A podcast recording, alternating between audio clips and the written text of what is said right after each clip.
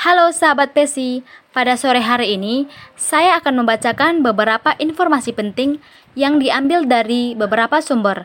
Sumber yang pertama ialah CNBC Indonesia yang berjudul Investor Khawatir Melihat COVID RI IHSG Melemah di Sesi 1. Indeks harga saham gabungan jatuh ke zona merah pada penutupan perdagangan sesi pertama Selasa 15 Juni 2021 menyusul kekhawatiran kenaikan kasus COVID-19 yang membuyarkan outlook pertumbuhan ekonomi nasional. Menurut data PT Bursa Efek Indonesia, IHSG berakhir di level 6073,67 atau tertekan 6,7 poin atau 0,11 persen. Sepanjang perdagangan, Indeks acuan bursa nasional tersebut gagal menyentuh level psikologi 6100 dengan level tertinggi harian berada di 6091,367. Pada awalnya, IHSG dibuat menguat sebesar 0,08 persen ke 6085 36, tetapi langsung terbanting ke zona merah selama 10 menit kemudian, dengan koreksi 0,43 persen ke level 6054,73. Level terendah hari ini berada di 6051,245.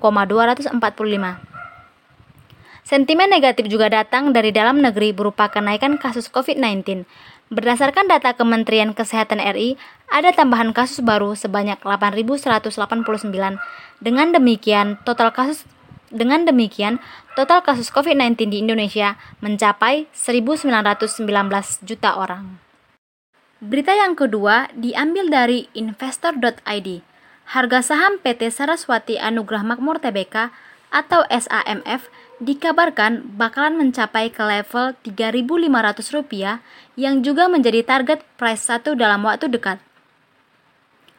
Aksi tersebut dilakukan usai sejumlah bandar telah berhasil mengakumulasi saham ini pada level 1.300 sampai 1.500 rupiah dalam beberapa hari lalu.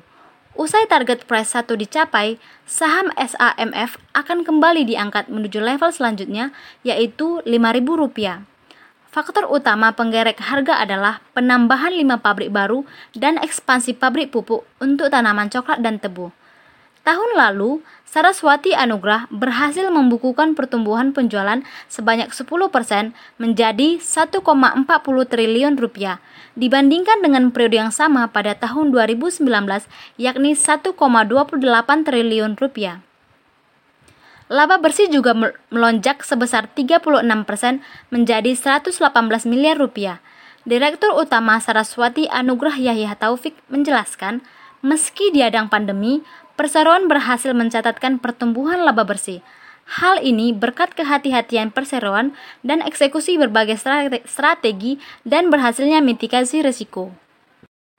Berita yang ketiga diambil dari CNBC Indonesia yang berjudul Suspensi dicabut, saham MLPT sempat sejenak lompat 18%.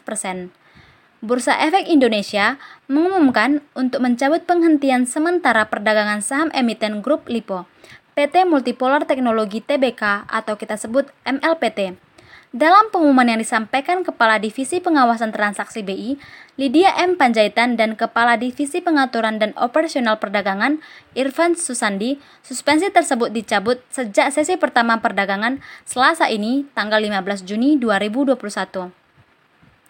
Maka dengan ini diumumkan bahwa suspensi atas perdagangan saham PT Multipolar Teknologi Tbk di pasar reguler dan pasar tunai dibuka kembali mulai perdagangan sesi 1 tanggal 15 Juni 2021.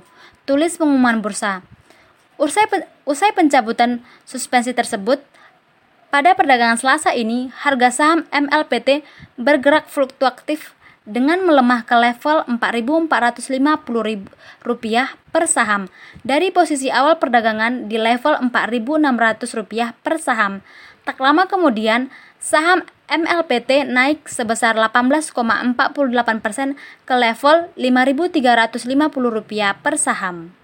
Berita yang selanjutnya berjudul BRI mau raih isu bakal jadi pengendali pegadaian dan PNM. Berita ini diambil dari CNBC Indonesia.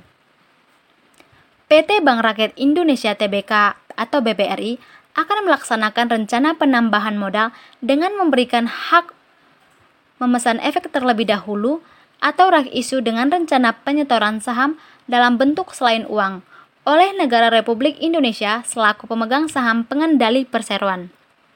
Dengan dua aksi korporasi ini, maka BBRI akan menjadi pemegang saham mayoritas pada PT Pegadaian dan PT Permodalan Nasional Madani atau PNM sebagai bagian dari pembentukan holding BUMN Ultramikro. Selanjutnya, BBRI bersama-sama dengan Pegadaian dan PNM akan mengembangkan bisnis melalui pemberian jasa keuangan di segmen ultra mikro sehingga akan berkontribusi positif terhadap kinerja keuangan perseroan.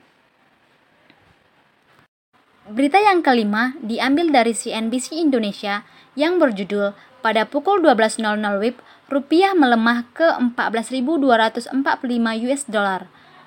Nilai tukar rupiah terhadap dolar Amerika Serikat kembali ke zona merah pada perdagangan pasar spot hari ini setelah melemah tipis sebesar 0,08% di awal pekan kemarin.